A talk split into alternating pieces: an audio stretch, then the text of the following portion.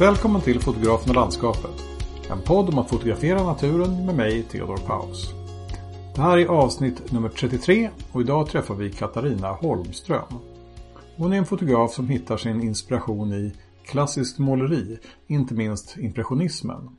Och som jobbar med multipla exponeringar och andra kreativa grepp för att få en särskild typ av uttryck i sina bilder.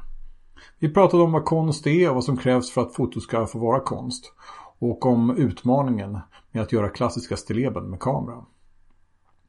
För egen del har det inte blivit några stora fotoäventyr den senaste tiden. Men jag har kommit ut lite i närheten av där jag bor och jag har kommit att gilla kärr och våtmarker allt mer. De gör sig ju inte minst bra nu i det snölösa december när allt är mörkt och murrigt. och blir kärren ännu mörkare och murrigare med grå stammar i svart vatten och här och där lite mossa. Det kan bli rätt snyggt. Om inte annat så gillar jag att få gå runt i gummistövlar i de där kärren och tänka på att det här hade jag aldrig gjort om jag inte haft en kamera med mig. Kameran är inte bara ett särskilt sätt att se naturen på. Det är också en god anledning till att ge sig ut och se platser man annars aldrig hade kommit till. Som vanligt, ta gärna kontakt med mig på sociala medier och berätta vad ni tycker om den här podden. Jag finns på Instagram och på Facebook. Gå gärna med i Facebookgruppen för podden också. Där berättar jag om kommande gäster och vi fortsätter samtalet mellan avsnitten. Länkar till mina konto, till Facebookgruppen och till Katarina Holmströms bilder finns i anteckningarna till poddavsnittet. Och om du gillar den här podden och vill höra fler avsnitt, glöm inte att prenumerera i din poddspelare så missar du inget avsnitt. Men nu, låt oss börja dagens avsnitt. Välkommen till fotografen och landskapet Katarina Holmström. Tack så mycket.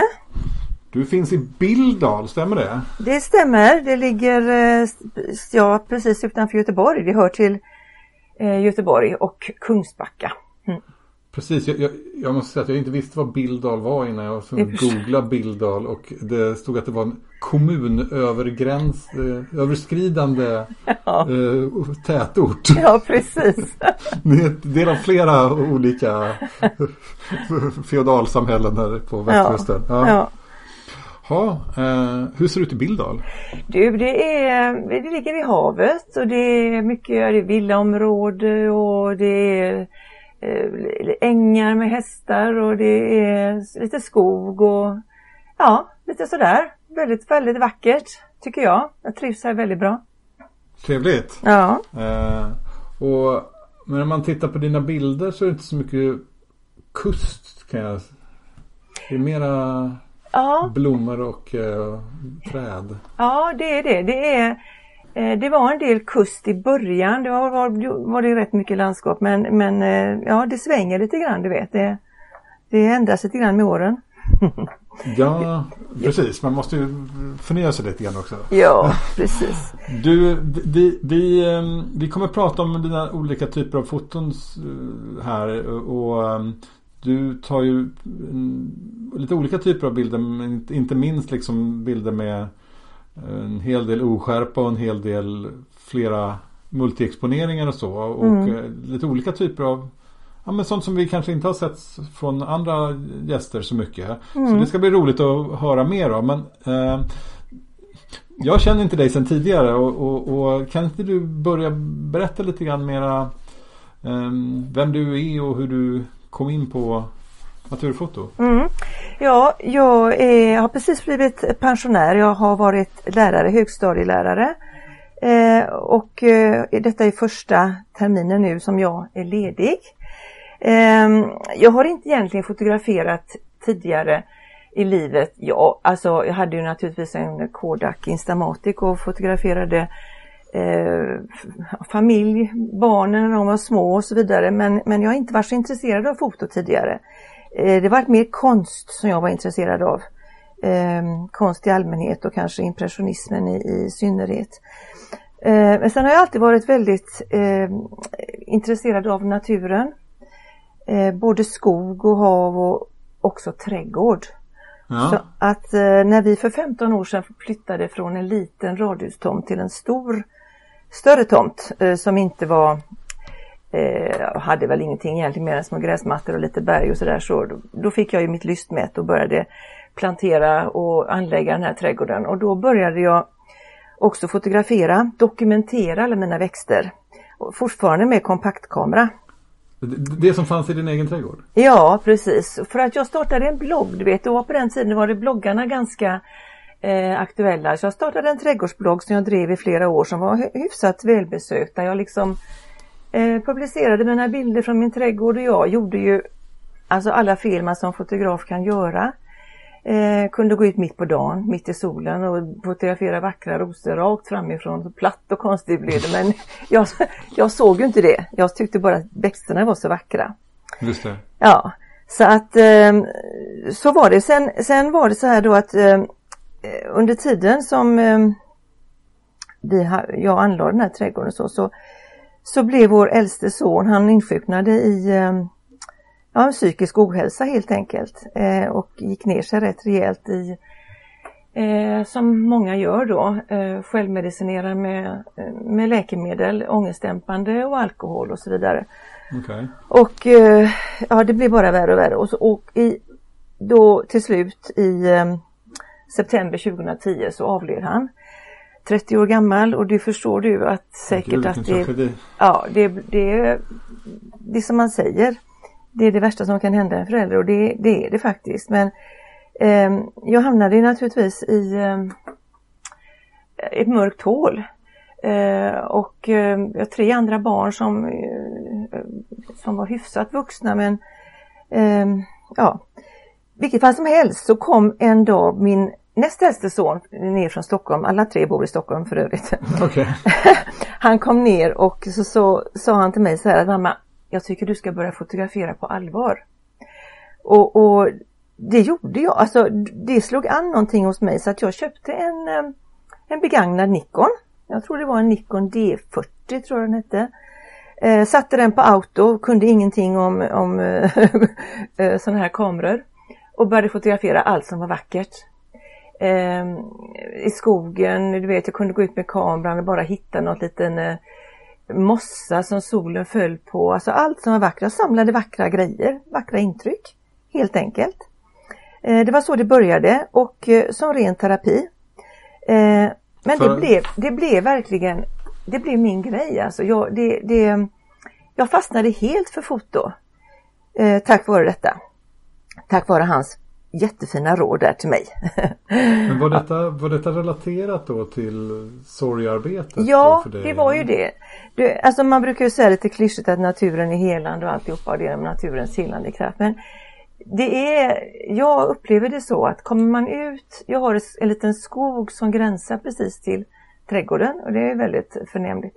Kommer man bara ut i skogen, även om man är deppig eller stressad eller arg eller vad man är och liksom andas in det, och få det här lugnet och, och, och har man då dessutom med sig en kamera så tycker jag att man ser saker mer än man annars hade gjort. Kanske hade jag bara gått förbi den där mossan som solen föll på om jag inte hade haft med mig kameran. Och, och eh, ja, det, det, är någonting, eh, det är någonting helande tycker jag verkligen med att se hur naturen, ja men den frodas och sen så dör den och så frodas den igen och sen är det igen. Va?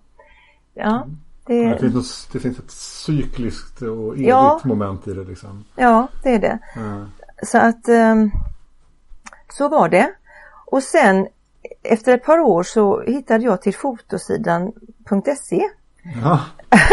Du är inte på, ensam. Nej, som på det. det kommer upp i nästan varje avsnitt av det här podden. Ja, och du vet på den tiden, det var ju innan Facebook tog mm. över all, alla fotografer. Mm. Då var det ju fantastiskt för att där kunde man ju då gå med i olika grupper och kunde publicera bilder och få konstruktiv kritik på bilderna. Jag lärde mm. mig så mycket under dessa år som jag var eh, aktiv där på fotosidan och framförallt så lärde jag mig efter ett tag vilken sorts bilder jag själv tyckte om att titta på. Det var ju liksom första steget.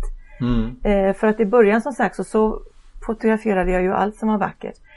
Eh, men så upptäcker man ju till slut att ja, men den här sortens bilder tycker jag om att titta på. Och så, så till slut vågade, vågade jag då släppa autoläget och, och hitta andra lägen på kameran. Och, ja, på den vägen är det. Men det låter som du också liksom växte Eh, från att liksom ha varit en del av den här tragiska händelsen då Ja. till att liksom det fick ett, ett värde i sig själv kanske? Eller? Ja, precis så. Precis så. Det var, det var väldigt tursamt för att jag, jag fastnade verkligen för det och jag, det blev ett sånt behov det här i början av första åren så ja, jag gick ju inte en dag utan att jag var ute med kameran och fotograferade.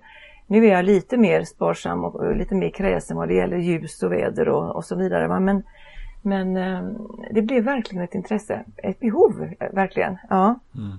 Så att eh, jag är jätteglad för det, att jag har hittat detta. Detta är också någonting som, apropå att jag precis har gått i pension, så är det ju någonting man kan hålla på med så länge man kan ta sig ut.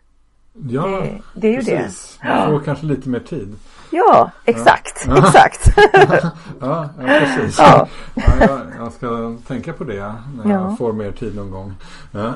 ja, så småningom. ja. Ehm, Men ehm, eh, nu tappade jag tråden bara för det. Ja. Jo, för det som jag tänkte fråga där var Du sa att du liksom fick tillfälle där att inte bara få liksom andra människors återkoppling på dina bilder utan du hittade liksom lite grann vilka Ja. som du gillade själv. ja. Vad var det du kom fram till? Jo, då kom jag fram till det. Alltså I början då så var det är ju alltid mycket prat om det här med, med utrustning och det ska vara bra kamera och det ska vara bra objektiv och så vidare. Och det är ofta är det dyra grejer och sådär. Och det ska vara skärpa rätt, hela vägen ut till kanten och så vidare. Men jag upptäckte ju att jag tyckte ju mest om de här bilderna som inte hade skärpa helt och hållet. Jag tyckte om dem särskilt i början då med riktigt kort skärpedjup där det blev ganska mycket, eller väldigt mycket som var i oskärpa så jag själv liksom fick tolka in lite grann vad jag såg. Um, ja, det var liksom, jag såg det att det, direkt var det de här bilderna som var faktiskt oskarpa till stor del. Lite skärpa givetvis är alltid fint men, men till stor del de som jag brukar kalla numera för lite mer måleriska bilder. Det var ju den typen av bilder jag tyckte om. Mm, Just det. Mm. Ja, och då vågade jag mig på att också att liksom testa lite grann själv och, och vågade mig på att som sagt överge det här autoläget på, på kameran då. Jag fick också vid, ganska i början där låna ett makroobjektiv av min svåger, ett, ett bra makroobjektiv och det var fantastiskt att upptäcka den där lilla världen och kunna få eh, oskärpa där jag ville ha oskärpan och lite skärpa där jag ville ha det. Det var ju, ja, Mm. så att det var mycket sånt jag upptäckte att eh, jag tyckte om själv och så började jag fota mycket med, med den, den typen av bilder.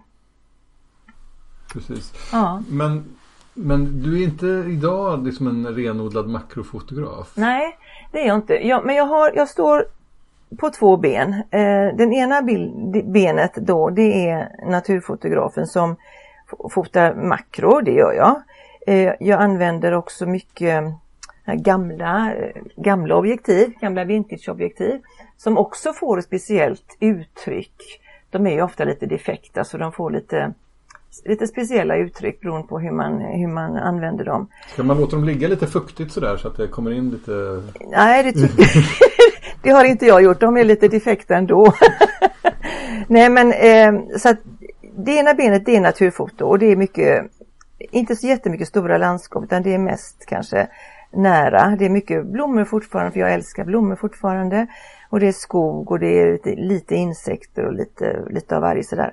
Och det andra benet det är ju det som är rent vad jag brukar kalla konstfoto. Det är ju bilder som ofta är väldigt väldigt bildbehandlade, väldigt manipulerade. Där jag får jobba rätt så mycket i, i, med datorn Mm. eh, i Photoshop. För det gör jag. Och det är ju, tänker jag ju särskilt då på mina, som du nämnde, mina multiexponerade bilder som ju kräver väldigt mycket jobb i datorn. Eh, perfekt för vinterhalvåret att stå och pilla med det. Eh, man fotar på våren och hösten och, och, och bildbehandlar på vintern. Ja, Eh, precis. Ja, så att eh, det är både och. Jag, jag tycker om båda sorters, eh, båda sorterna jättemycket. Mm. Kan du inte berätta om det här? För att jag tänkte, det, var ju de där multiexponeringarna som på något sätt när jag såg dem så, så tänkte jag att det här, henne vill jag prata Ja. med. Ja, så att, kan inte du berätta lite grann om vad, Jo. Det har varit ett projekt för dig? Liksom, eller ett det har varit projekt. ett projekt, ja. Mitt första riktiga projekt som jag gav mig och det var för två år sedan ungefär som jag såg bilder som jag ramlade på eh, som Pep Ventosa hade tagit. Han gör, han gör ju, han är väl den som har eh, börjat med de här multiexponeringarna. Han tar både bilder på, på träd men också på gathörn där eh, han står i ett gathörn och så tar han mängder av bilder som han lägger samman. Jag blev så förtjust i de bilderna. Eh, och tänkte och ville ha dem på min egen vägg. Det var så det började och, tänkte, ja, och letade på nätet efter någon Ja men du vet handledning, hur gör man? Tala om receptet. hittade inte det. Och tänkte att nu ska jag lära mig eh, det här i alla fall på, på, på mitt sätt då. Så jag började. De första blev förfärliga och mm. de, rest, sen blev de också förfärliga. Och till slut så började jag bli lite nöjd med, med dem. Och eh, Att jag kunde göra det, det berodde också på att jag har aldrig gått några fotokurser så, men jag har gått en kurs i Photoshop. Eh, och det var eh, eh, i regi av Högskolan i Jönköping. Egentligen var det de som har eh, moderskeppet som gav ah, den kursen. Ja, mm. precis.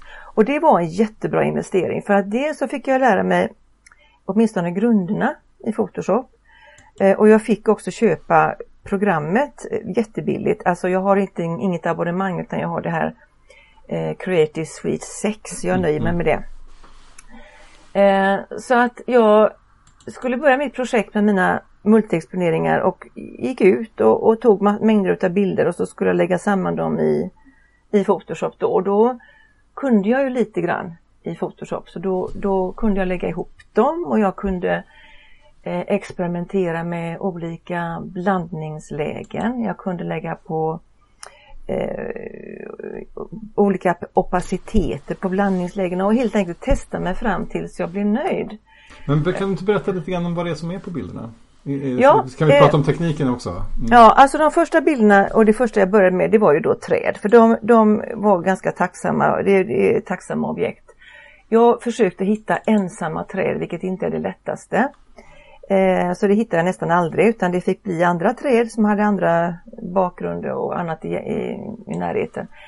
Och så började jag ta många bilder. Jag började flytta mig flyttade mig lite grann runt träden så mycket jag kunde och tog från lite olika håll och, och vinklar och sådär. Mm. Och um, kunde bli en, vad kan det bli, oftast en 10-15, ibland 20 bilder på, på samma träd. Och så hem och, och ladda upp dem och en grundbehandling först i Camera Raw och sen in i Photoshop. Och så lägger jag dem då på varandra och så börjar jag testa för att det går inte att göra samma sak. Det går inte, jag kan inte ens ha mitt recept på alla bilder om du förstår utan det blir det är olika för varje gång för att utgångsläget är ju så olika. Så att eh, jag lägger på dem och eh, försöker att pricka in då om det är träd så försöker jag pricka in så att stammen stämmer, så att stammen yes. överlappar. Och sen är det inte så viktigt att det andra överlappar men stammen ska helst överlappa då. Just det, för sen så blir det liksom eh, Ja, hur ska jag, om jag får ge mig en tolkning av hur dina bilder ser ut så ja. är det lite grann eh, Ja precis, man ser ju att det är ett träd liksom, ja. men det blir ju en eh,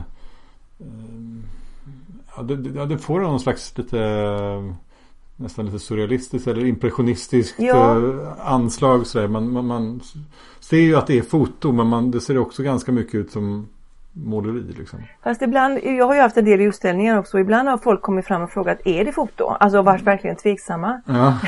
För att det är så det blir tycker jag då. Jag tycker att det blir lite åt det impressionistiska hållet, lite pointillism ibland och lite sådär.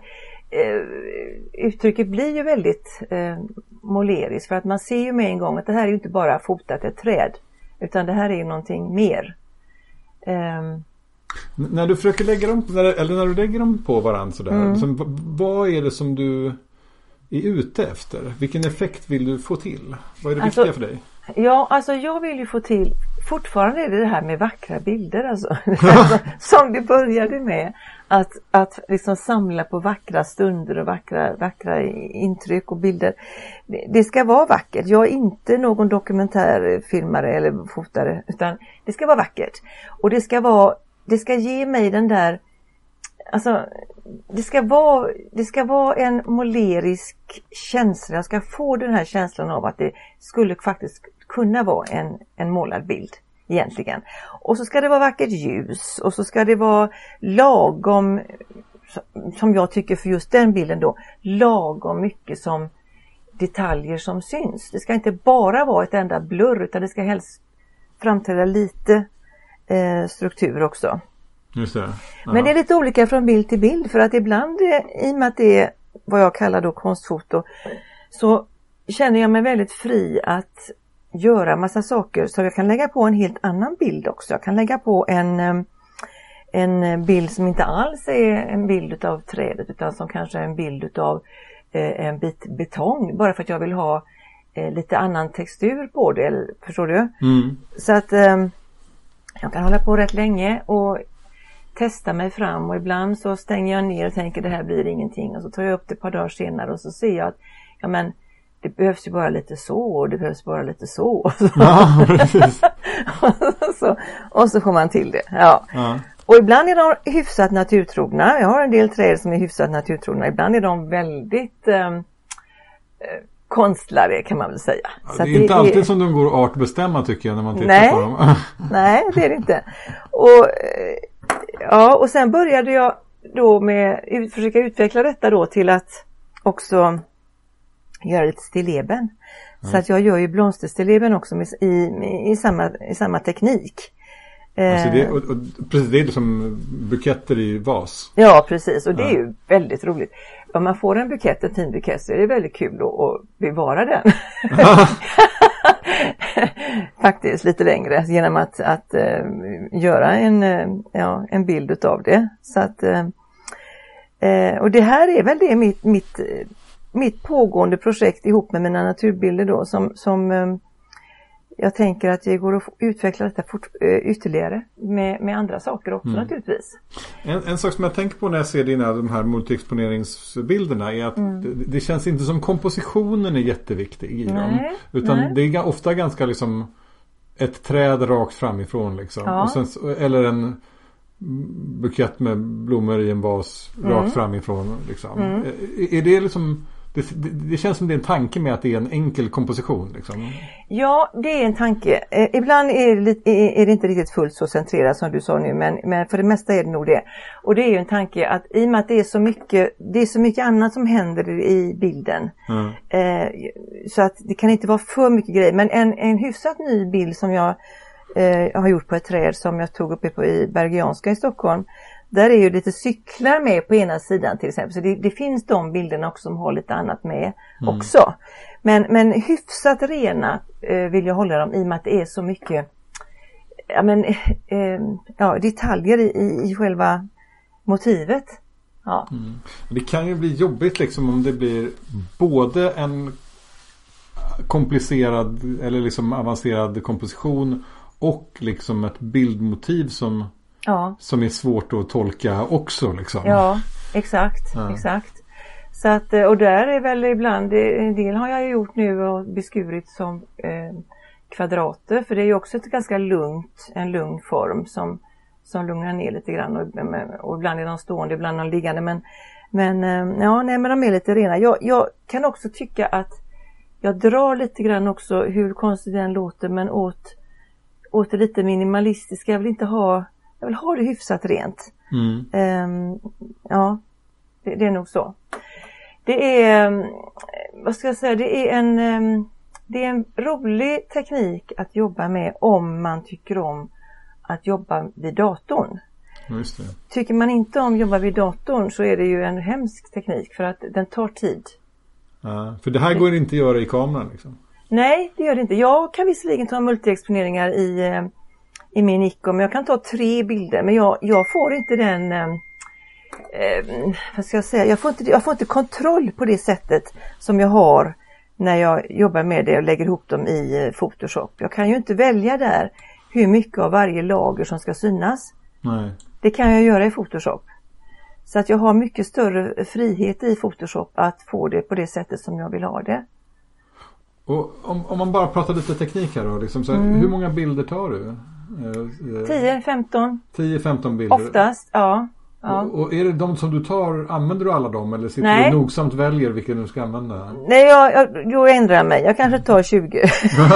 och så blir det 10-15. För att en del får, man ju, får jag ju slänga då, för som inte kanske är, ehm, blir bra. Som inte Och, och, kanske då, har... och då står du på samma ställe och så flyttar du dig lite grann? Eller? Jag flyttar mig. Jag flyttar och, mig.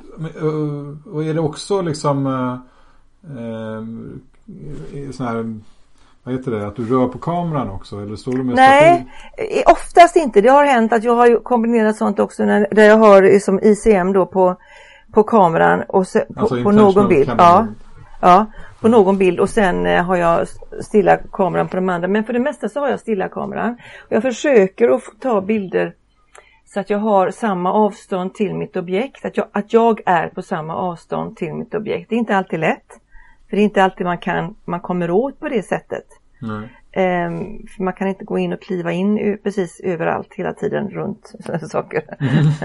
Men ehm, jag försöker det i alla fall och sen så som sagt om det är en vas, om det är stilleben, då försöker jag ju få så att bilderna överlappar ordentligt på själva vasen. Så att det är den som blir eh, hyfsat eh, skarp. Och är det träd så är det stammen. Just det, men och, Mm. men det som är annorlunda mellan bilderna är att de är från lite olika vinklar då? eller? Ja, Men inte så jättemycket olika eller? Ehm, jo, om det går. Alltså jag försöker att gå det. Skulle det gå, om jag skulle hitta ett ens, helt ensamt träd och jag skulle kunna gå runt hela trädet. Då tar jag bilder runt hela trädet. Om du hittar en, ett träd som står i ett helt öde Ja. öken. Liksom. Ja, men det gör jag nästan aldrig. Utan jag hittar oftast träd som jag tycker är fina då som kanske står i utkanten av en skog. Eller som står på torget av en stad. Eller förstår du? Det, Ja. det, ja. Ja. Och då, då, då blir det ju därefter. Mm. Så en del stadsbilder med träd har jag ju också. Ja. Och, sen, Och en del stadsbilder kanske utan träd har jag också. ja, precis. Ja. Men Ja. sen så själva processen då, om vi är kvar lite grann hur det Mm. praktiskt går till. Där, där eh, hur mycket arbete är det i, framför datorn? Liksom? Ja, alltså det är mycket. Ibland har jag tur så kan det gå på ett par timmar men har jag inte det, inte det funkar riktigt med en gång så jag blir nöjd blir jag sällan. Då jobbar jag ett par timmar kanske ena dagen och sen tar jag upp den igen. Kanske två, tre gånger till. Ehm, Jag gjorde färdigt en bild ganska nyligen som har legat i datorn i, säkert i ett år och, först nu så insåg jag hur jag skulle göra för att få, få den som jag ville ha den. Så det är lite olika men det är, det är, mycket, det är mycket jobb. Det är Ja. det. Det är ingenting som man bara kan liksom gå in och göra en eh, eh, sånt där funktionsmakro på och säga smäll in dem nu och så är det bra. Utan det kräver, sitt, eh, det kräver sin stund framför datorn. Just det. Så det är ju ingenting som är, alltså jag är ju hellre ute i naturen och fotar än att stå vid datorn. Men vi har ju det här vädret i Sverige och det här klimatet när det är så mörkt eh, under vinterhalvåret och då är det rätt kul ändå att kunna eh, få fram vackra bilder med hjälp av sånt som jag har tagit tidigare. Just det, det är, Mm. ja, men det är, ett, det är ett bra sätt att ta vara på, på den delen av året. Liksom, Ja. synnerhet. Ja. Ehm, du, jag tänkte, vad är din relation till skärpa? Min relation till skärpa är, jag tycker skärpa är överskattat. ja, ja faktiskt. Jag tycker det. Eh, jag tycker att eh, visst alltså, jag, jag vill inte säga så men men jag är inte jätteförtjust i så här riktigt, riktigt skarpa bilder. Jag, jag tycker om till exempel, det finns en effekt som heter Årton-effekten. Ja. Ja, den tycker jag är lite Årton om, det, om jag exempelvis tar en, eh, en landskapsbild. Tycker jag lite i- eller något annat som, som mjukar upp gör att bilden för mig känns mer eh, tilltalande. Så att eh, överdriven skärpa, nej det är inte för mig faktiskt. Eh, bara- däremot så vi måste jag... bara förklara vad Orton-effekten är. Det, Ja. det, det är ju alltså att man man lägger ett, ett, ett lager som är lite eh, med, en- med en, eh, en oskärpa i som man målar in delvis i ett annat lager. Och så Ja, får man precis. lite att det blir liksom lite vad heter det, lyster liksom i, i Ja. Högdalarna lite- kommer fram på ett annat sätt. Liksom. Ja, precis. Ja. Man lägger ett, om du, om, för att göra det enkelt då kan man ju lägga ett lager, ett oskarpt eh, lager på bilden och så bara ta fram lite, alltså dra ner opaciteten kanske till 20% eller någonting så får du det där lilla lite glow, lite, Ja. ja. lite mjukhet helt enkelt. Den är lite, eh, det finns ju de som hatar den och de som älskar den, den där Ja. effekten. Och ibland så görs den ju väldigt offensivt liksom i vissa Ja. typer av så här väldigt eh, Ofta väldigt övermättade bilder på soluppgångar och sådär. Mm, jo, jo. Men du har ju en helt annan typ av foto där den kanske också, jag hade inte tänkt på det att du använder den. Nej, det är inte så. Eh, det har jag gjort lite grann, Mm. eh, absolut. Men, men som sagt, jag, eh, jag, skulle ju, jag föredrar ju själv bilder som har lite mer oskärpa än de som är riktigt överskärpta. Alltså det gör jag. Mm. Eh, sen är det naturligtvis beroende på vad det är för typ av motiv man tar. Ibland vill man ju ha eh, som jag sa, jag är ingen dokumentärfotograf och vill, är man det så vill man naturligtvis ha skärpa. Ja, det, det, till exempel. Till exempel. Eh, och jag respekterar alla som tycker om skärpa men mm, vi får ju lov att vara olika. Eller hur? Ja. Det, det är ju väldigt befriande att vi får. Ja. Och det är ju så att man skulle ju liksom, nu är det ju så att nu är ju alla människor fotografer. det är ju så. Och, och det går ju inte att ha sin egen stil helt och hållet för det, det, det funkar ju inte. Men man skulle ju, i den bästa av världar hade det varit så att alla hade sin, sin stil så man kunde liksom, ja, förstår du? ja. Ja, nu, nu är ju som sagt alla är ju fotografer och alla Ja, vad, vad- ska man göra för att vara egen? Alltså, det, det är inte lätt idag att, att ha en egen stil för att eftersom det är så många som, som, som fotograferar, eller hur? Ja, Mm. och du, det är kanske lite grann ett stickspår. Men, men alltså jag, när jag var, jag måste varit i tidiga tonåren så hade jag ett samtal med min farbror som var, han var psykoterapeut. Och, vi, Mm. vi, vi, och, och så pratade jag liksom om det här med att vara, det var någon slags tonårstid för min del där man skulle fundera på vem man var och sådär. Och så, så pratade vi det här om att tänka egna tankar eh, Mm. om olika saker. Kom, det hade inte med foto alls att göra. Utan jag, och så sa jag till honom så här, ah, men man vill ju liksom ha, tänka saker som ingen annan har tänkt och sådär. Mm. Och, liksom, eh, och så och jag be- beklagade mig att de flesta saker som jag har tänkt på verkar alla andra redan ha tänkt på. Och, sådär. Ja, och då, då sa han någonting som jag tyckte var ganska kul då som var att Jo, jo, du kanske liksom tänker på ungefär samma saker som många andra gör. Liksom, så här, men du är ju ändå du är en egen person liksom. Det är Mm. ingen, även om du tänker på saker som andra har tänkt på så är det ingen annan som är som du är. Liksom. Nej, och nej. Det där har jag tänkt på ibland kring fotot också. Liksom. All Mm. right. Man kanske tar bilder som inte är helt unika. Liksom. Mm. Men det är ändå på något sätt min version av dem eller din version Ja. av dem. Eller på något sätt, det, man låter ändå sin person komma fram på något sätt i de där bilderna. Liksom. Eh, Ja. Om, om man inte exakt kopierar någon annans bild så, så är det är nästan svårt att göra en bild som är exakt likadan som någon annan har gjort. Ja, och det, jag menar, det är ju ett bra sätt att lära sig någonting. Det är ju att kopiera någon, om, om man kan det, så, så exakt som möjligt. Eller hur? Mm. eh, just under, under lärofasen där. Men sen är det ju, men vi hittar väl alla liksom våra, lite grann våran egen stil tror jag ändå. Lite, Mm. lite grann kan man nog. Sen när man är och, och, och, och nosar på, på vad andra har gjort, det är väl självklart att man försöker göra det också ibland. Man är nyfiken på hur funkar detta? Men jag tror att eh, många har eh, sin egen stil Även om inte man direkt kan säga när man ser en bild vem det är som har tagit den. För det, det är inte alltid så lätt. Men, men, ehm, Nej, precis. Men visst, visst skiner personligheten igenom. Det, det tycker jag ju. Ja. Mm. Eh, men du, eh, du berättar om du liksom jobbar inom två olika kategorier av foto. Liksom. Dels Mm. naturfoto, dels konstfoto. Liksom, hur, är det, är det en flytande gräns mellan de här två olika kategorierna eller är det liksom verkligen två olika sätt som du jobbar på? Nej, det är väl egentligen en flytande gräns. Det är bara det att, att eh, om jag går ut och säger så här, detta är ett konstfoto.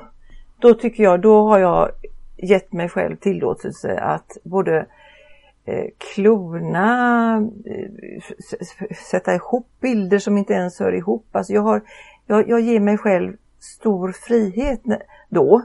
Eh, inte fullt kanske lika stor frihet alltid när det är naturfoton.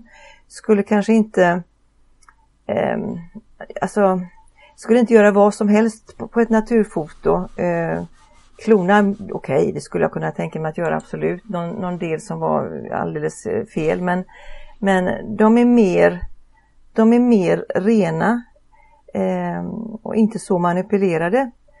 Eh, men det är en flytande gräns. Jag kan tycka även att ett, en, en bild som är tagen där jag inte i princip har gjort mycket mer än kanske lagt på lite kontrast och sådär.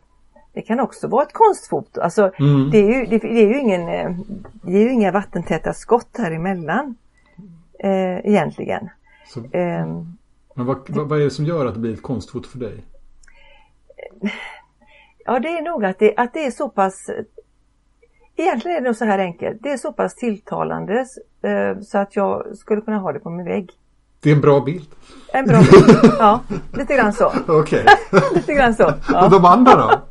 ja, men, jo, de andra. Jo, men det, ja, det är svårt det här. Det är jättesvårt. Det är, foto i sig är väl en konstart. Jag menar det... Eller hur?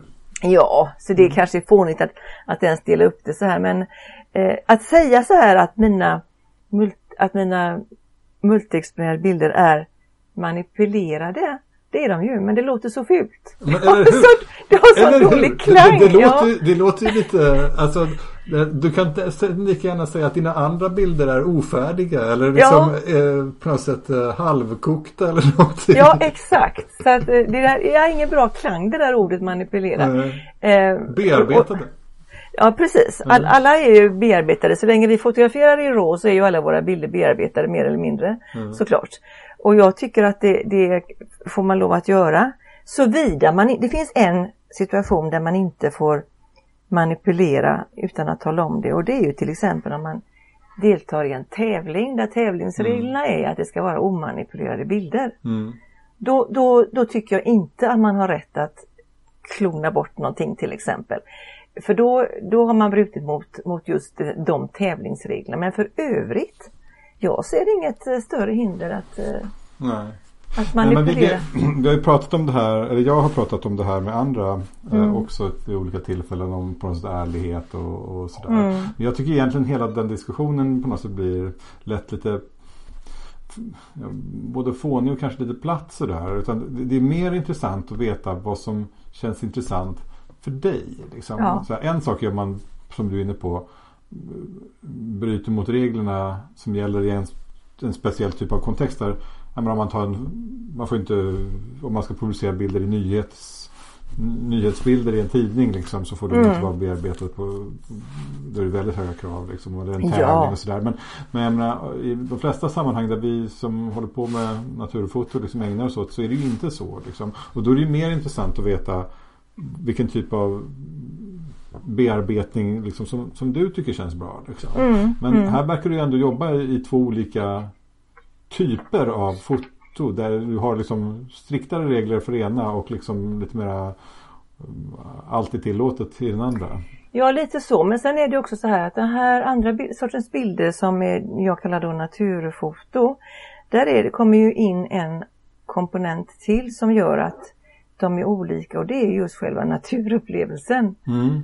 För där är, jag, där är jag ju då ute i naturen, om det så är nere vid havet eller inne i skogen eller vad det är. Då är jag ju liksom ute och njuter utav vår fantastiska natur. Och, och ehm, då kanske jag vill ta bilder för att jag tycker det är så fin upplevelse, det är en sån härlig dag. Jag kanske vill ta för att jag vill, ja, men vill ha lite minne från den där stunden eller sådär va. Mm. Um, så att det, det, blir ju, det är ju väldigt viktigt tycker jag att, att eh, för mig i alla fall, att ta det lugnt när jag är ute eh, i naturen och liksom stanna upp och titta mig omkring, sätta mig en stund på en nedfallen trädstam eller vad det nu är och liksom njuta. Mm. Eh, ja. Men blir det liksom mer så att de bilderna får mera karaktären av liksom semesterbilder Fast från dina besök i naturen? Liksom. Jag vet inte om de från semesterbilder precis. Jag vet, nej, men de blir ju mer eh, Det blir ju enklare bilder, alltså det blir ju enklare kompositioner ofta. Mm. Det blir ju väldigt mycket, vi använder ju då eh, kort skärpedjup ofta fortfarande. Eh, jag använder mig utav bara selektiv skärpa, det är bara en liten del här i, i, i skarp. Eh, och jag använder de här gamla vintageobjektiven för att få det här måleriska uttrycket. Om du tänker dig om man är ute i skogen till exempel och lite grann kisar med ögonen mm. så, så blir det heller inte sådär jätteskarpt. Det är lite grann så. Ja, ja, så som jag vill fånga eh, naturen. Mm. Mm. Men jag tänker att de ja, absolut. Eh, jag tänker att de här andra bilderna, blir de mer liksom som de som du kallar konstbilder. Mm. Är de mer av ett verk då? Ja. Uh, ja. Någonting Precis. Som, som du ägnar massa tid att arbeta med. Det är liksom en process. Ja. Det syftar till att få fram en viss speciell effekt som ja. du letar efter. Liksom. Men... Precis så. Man skulle kunna kalla sig, man skulle kunna kalla mig för fotograf när jag är ute och, och fotograferar naturen och bildskapare eller någonting, bildkreatör eller någonting ja. Eh, när man gör de andra eh, sorters bilder, möjligen. Ja, om, man nu, om man nu ska sätta in sig i ett fack. Sådär. Jag tycker det är jättespännande liksom, mm. hur eh, eh du eh, tänker kring identiteten. Mm. Liksom. För det här är ju liksom lite olika identiteter liksom, och, och hur du liksom um, ser dig själv på lite olika sätt beroende på vilken typ av bilder som du tar. Ja. Uh, och att det kanske med vilket mindset som du går in liksom måste ju rimligen påverka då hur bilden blir.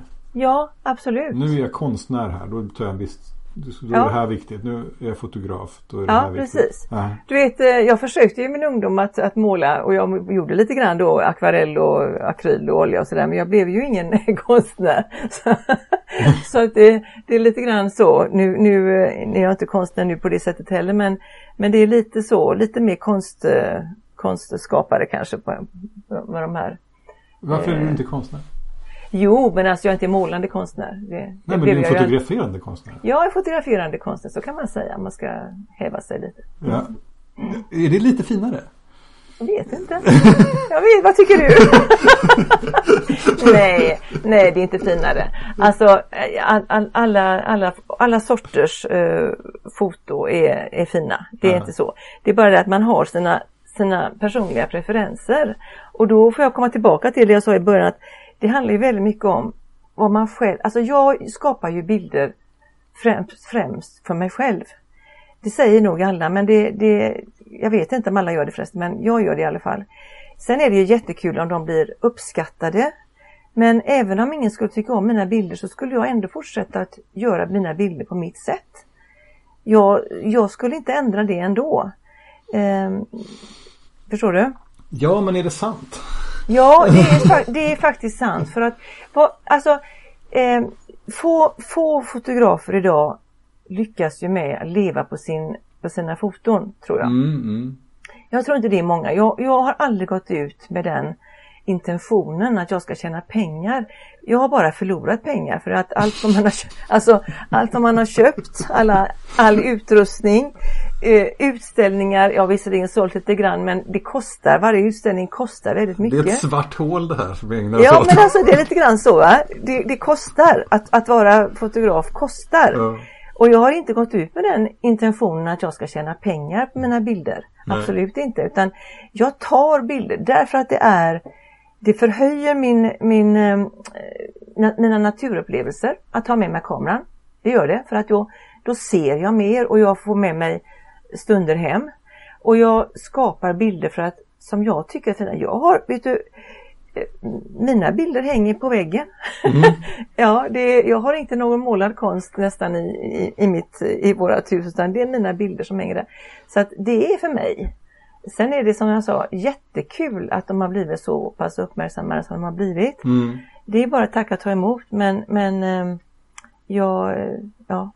Mm. Mm. Nej, men jag, jag sa sådär för att jag tror att även om man, det, det, jag har ingen anledning att tro att, inte, du inte, att det inte stämmer, det som du mm. säger. Men jag tror att vi, vi är ju alla liksom, vi lever ju i en social kontext där liksom den, där andra människors synpunkter på vad vi gör och ofta påverkar oss eh, även ja. om vi inte gör det som ett yrke. Liksom. Jag, ja. jag vet ju i alla fall för mig är det definitivt så att man vill ju hitta sin egen röst sådär men, men det, är, mm. det är klart att det är inte helt man är inte helt oberörd om någon tycker att det är bra?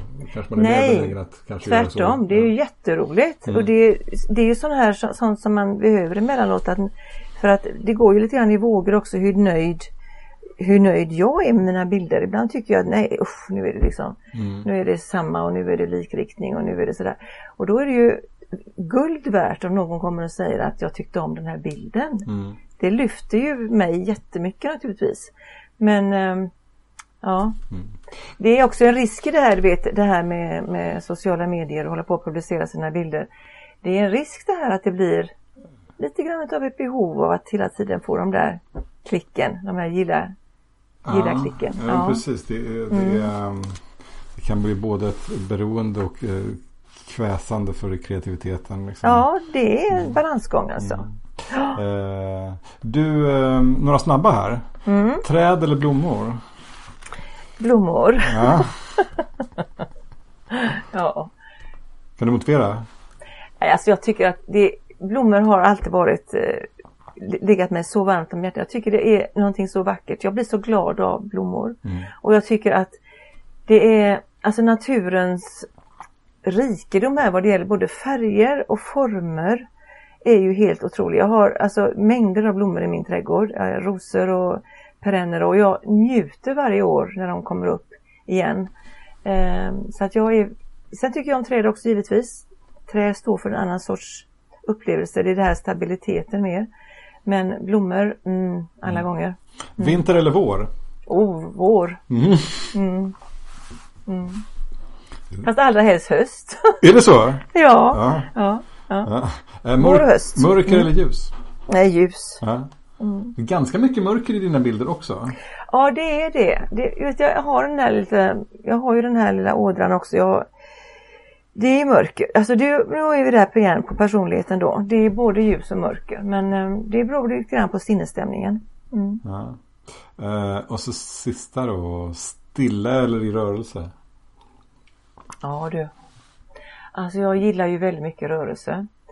Och jag hade önskat att, det är ett, ett lite pågående projekt hos mig, det är att lära mig det här med, med, med rörelse och skärpa. För det är jättesvårt. Men eh, rörelse är, det är någonting läckert i det alltså. Verkligen. Jag tycker jättemycket om Erik Manns bilder till exempel. Jag tycker han är otroligt duktig. Ehm, och ja, Han var, ju, det, han var ju gäst i första poddavsnittet och också den som tipsade om dig. Det tog Mm. ända till avsnitt 33 innan jag ringde. Ja.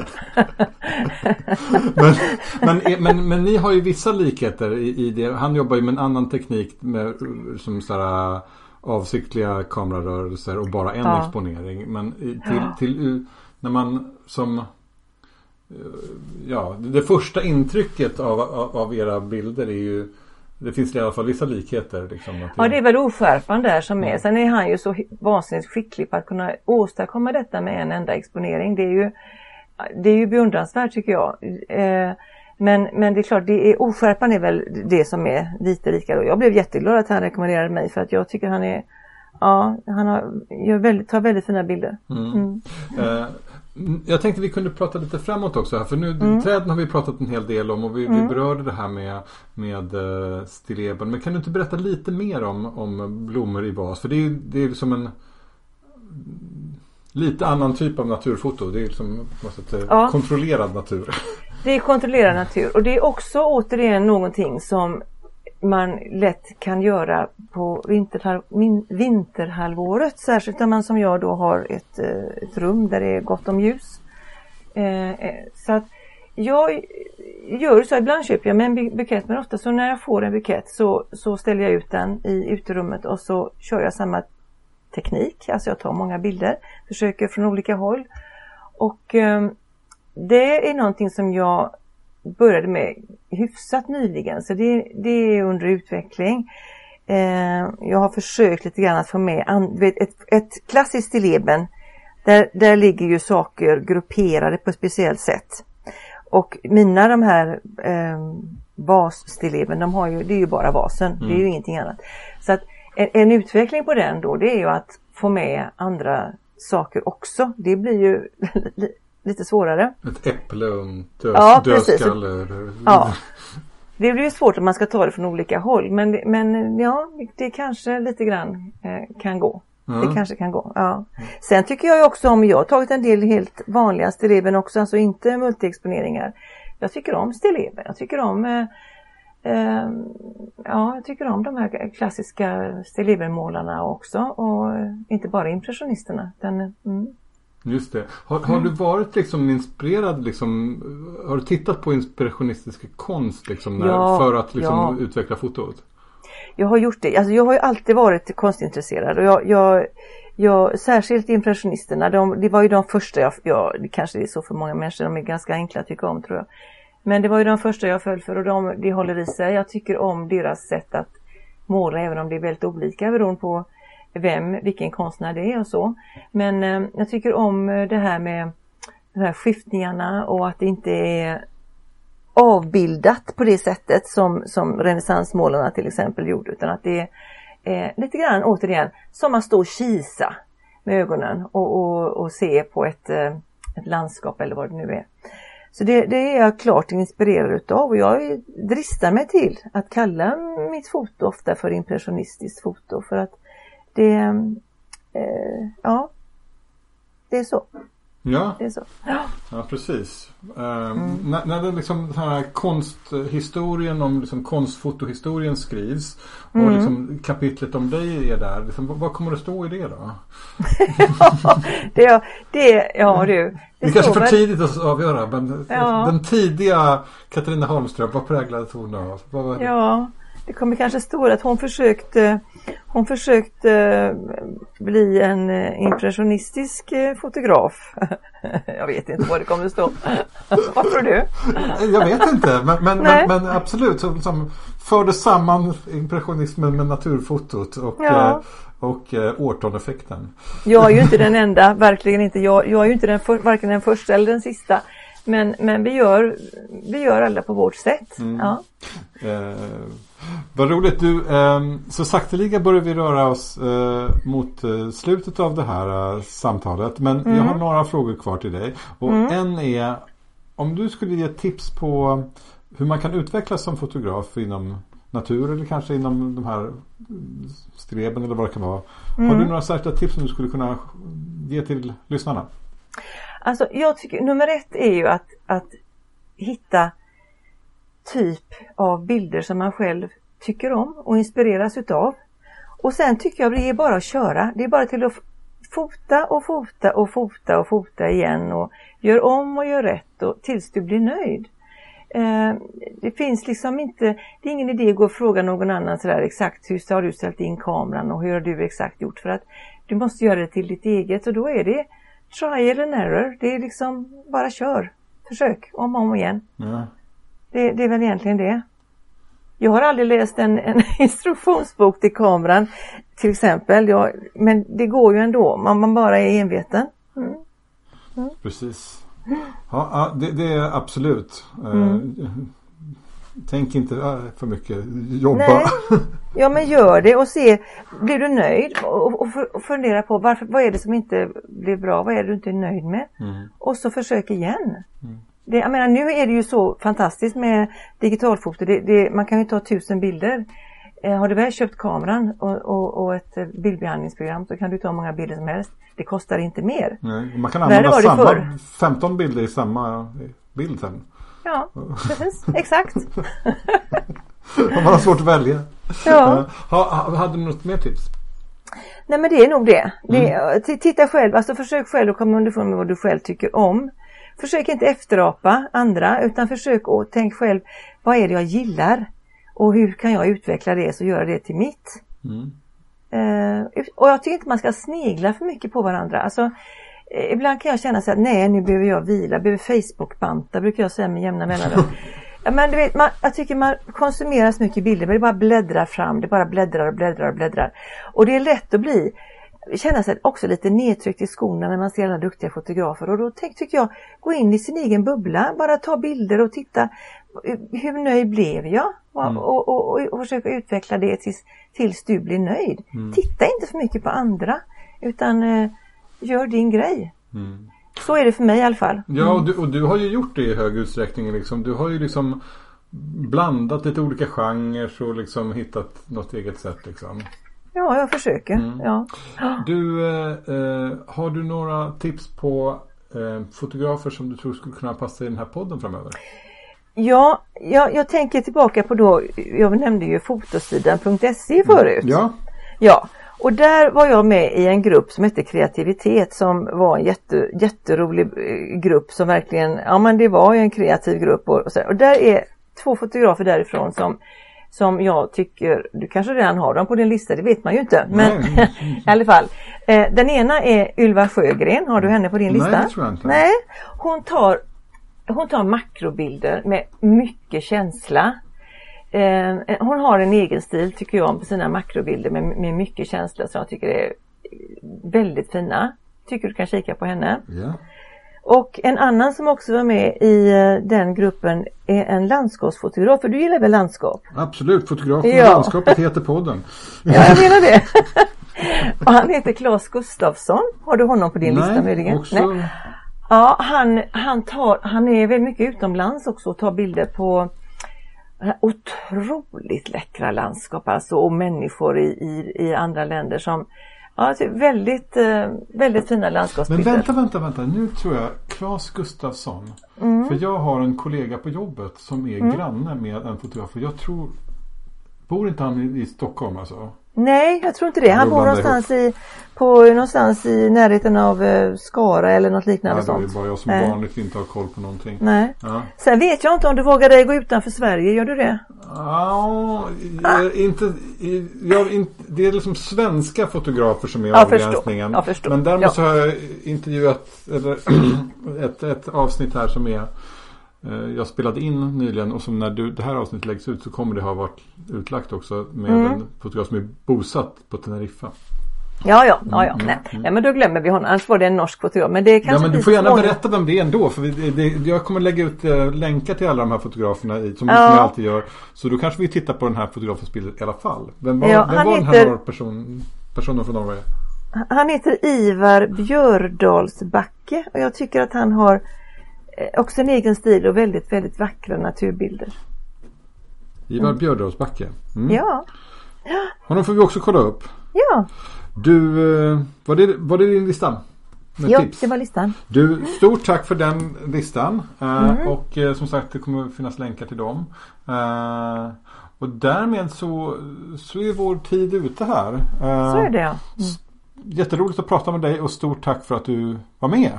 Ja men tack detsamma, det var trevligt.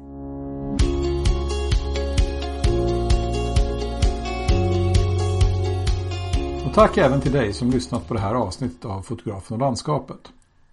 Den där frågan om vad konstfoto är, den tycker jag är spännande. Men egentligen säger svaret kanske mer om den som svarar än om konstfotot som sådant. Om du tycker en viss typ av foto är konst, ja då är det väl det. Åtminstone för dig. Det finns ett citat av Andy Warhol som lyder Art is what you get away with. Och han om någon prövade ju verkligen gränserna för vad konst är. Om man som Warhol kan göra en fem timmar lång film som visar en människa som bara sover och kalla det för konst. Ja, då kan nog nästan vilken typ av naturfoto som helst vara konst också. Själv bestämde jag mig från start för att mitt naturfoto är konst. Möjligen dålig konst, det får andra avgöra, men likväl konst.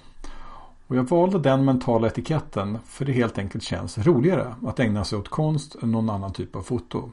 Det känns som konst ger mig fria tyglar att göra lite som jag vill. Att det inte finns några givna regler att förhålla sig till. Om det är konst får jag komponera min bild som jag vill och efterbehandla den som jag vill.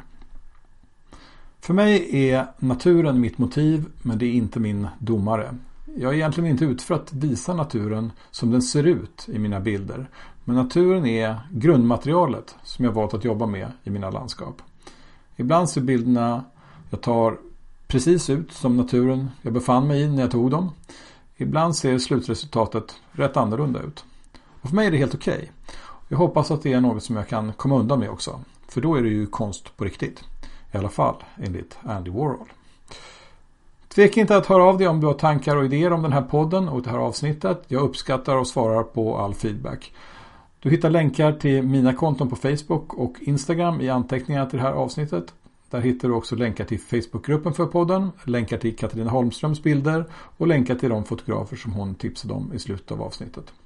Och om du gillar fotografen och landskapet och vill höra fler avsnitt, glöm inte att prenumerera i din poddspelare så missar du inget avsnitt. Det var allt för idag. Vi hörs igen om två veckor.